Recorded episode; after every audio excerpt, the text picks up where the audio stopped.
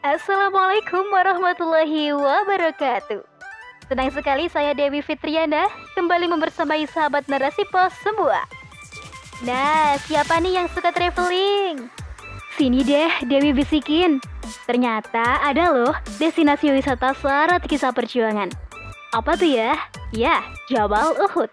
Nah, naskah ini ditulis oleh sahabat kita, Iranti Mantasari BAIR MSI. So, tetap stay tune ya bareng Dewi Fitriana di sini di podcast Narasi Pos. Cerdas dalam literasi media, bijak menangkap peristiwa kunci.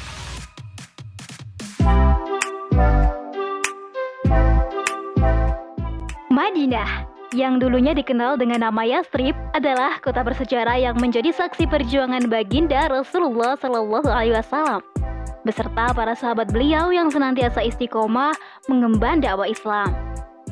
Kota ini juga menjadi ikon hijrah fenomenal yang dilakukan kaum muslimin untuk menguatkan dakwah Islam dan memberikan keamanan kepada pemeluknya yang kala itu mendapat tantangan besar dari kaum musyrik.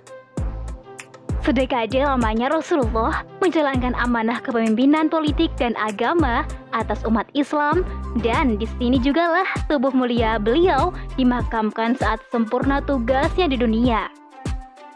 Di Madinah pula, Rasulullah membangun fondasi negara yang menerapkan Islam secara total dan menyeluruh. Meski demikian, sobat, nama Madinah juga diramaikan dengan tempat-tempat lain yang memiliki kisah sejarah tersendiri yang tak kalah menarik loh. Misalnya, Jabal Uhud atau yang lebih dikenal dengan Gunung Uhud.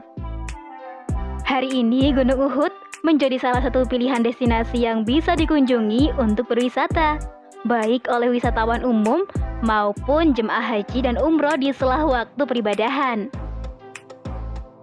Gunung Uhud berada di sisi utara kota Madinah, sebagaimana tempat di kawasan Arab Saudi lainnya.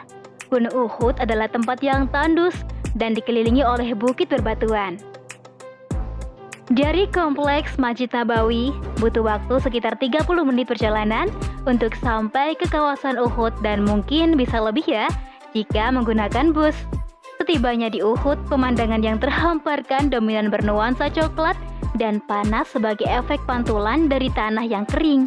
Tidak ada pohon rindang yang bisa dijadikan tempat bernaung. Kaki yang akhirnya tertapak di Uhud langsung menyambungkan pikiran ke ribuan tahun yang lalu. Ketika di tanah itu, kaki-kaki pasukan Islam berderap untuk menumpas pasukan Quraisy musyrik. Di tanah yang sama juga, perang kedua umat Islam setelah menjadi sebuah entitas negara baru dalam konstelasi politik kala itu meletus. Dalam sekejap, panas dan silau yang tak terasa seperti terhenti sejenak karena pikiran yang justru fokus pada sejarah Islam yang luar biasa itu. Masya Allah.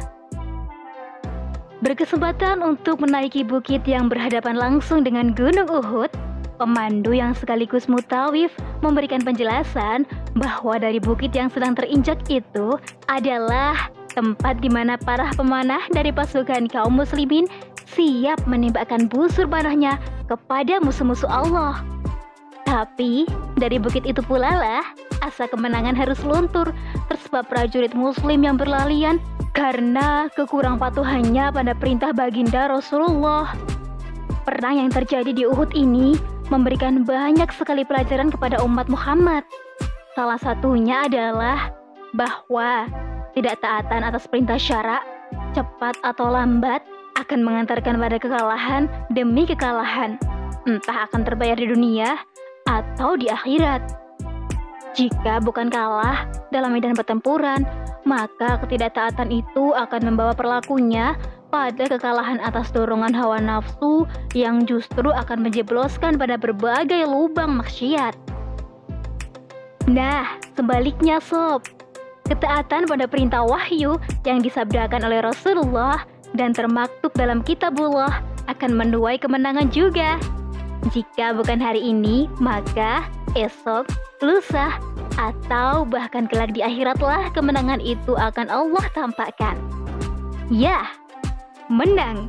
Karena Allah akan hadiahkan ia ganjaran sebagai penghuni surga yang nikmatnya seluas langit dan bumi atau menang karena telah berhasil mengalahkan pihak-pihak yang tak suka kepada Islam dan umatnya. Dan hal ini sudah dibuktikan oleh kaum muslimin generasi terdahulu. Ketaatan yang ditegakkan oleh umat, baik dalam level individu, masyarakat, maupun negara, membawa umat ini pada kejayaan berbelas abad lamanya. Negeri-negeri kufur pun segan terhadap umat yang mengemban Al-Quran dalam kehidupan ini. Adapun saat simbol ketaatan itu satu persatu lepas, mulai dari negara, masyarakat, dan individunya, maka kemunduranlah yang justru tampak nyata atas umat ini. Sahabat, maka demikianlah wisata ke Uhud bagi kaum muslimin seharusnya bukan semata untuk pelesir dan swafoto saja atau sekedar untuk mencoreng daftar tempat impian yang akhirnya bisa disinggahi. Namun mengunjungi Uhud juga sepatutnya menjadi sarana belajar dan tadabbur dari kisah perjalanan serta perjuangan umat Muhammad Shallallahu Alaihi Wasallam dalam mengemban dakwah Islam agar tersampaikan ke seluruh penjuru dunia. Maklumat yang didapatkan dari berbagai majelis ilmu bersama para guru dalam menggali sirah nabawiyah, insya Allah akan semakin menjejak dalam benak dengan menapaki kaki di tempat sejarah itu berlangsung. Masya Allah. Ya, kiranya sampai di sini dulu ya rubrik traveling kali ini. Sampai jumpa di rubrik traveling selanjutnya. Tentunya di podcast Narasi Pos, cerdas dalam literasi media, bijak menangkal peristiwa kunci. Saya Dewi Fitriana. Bye-bye.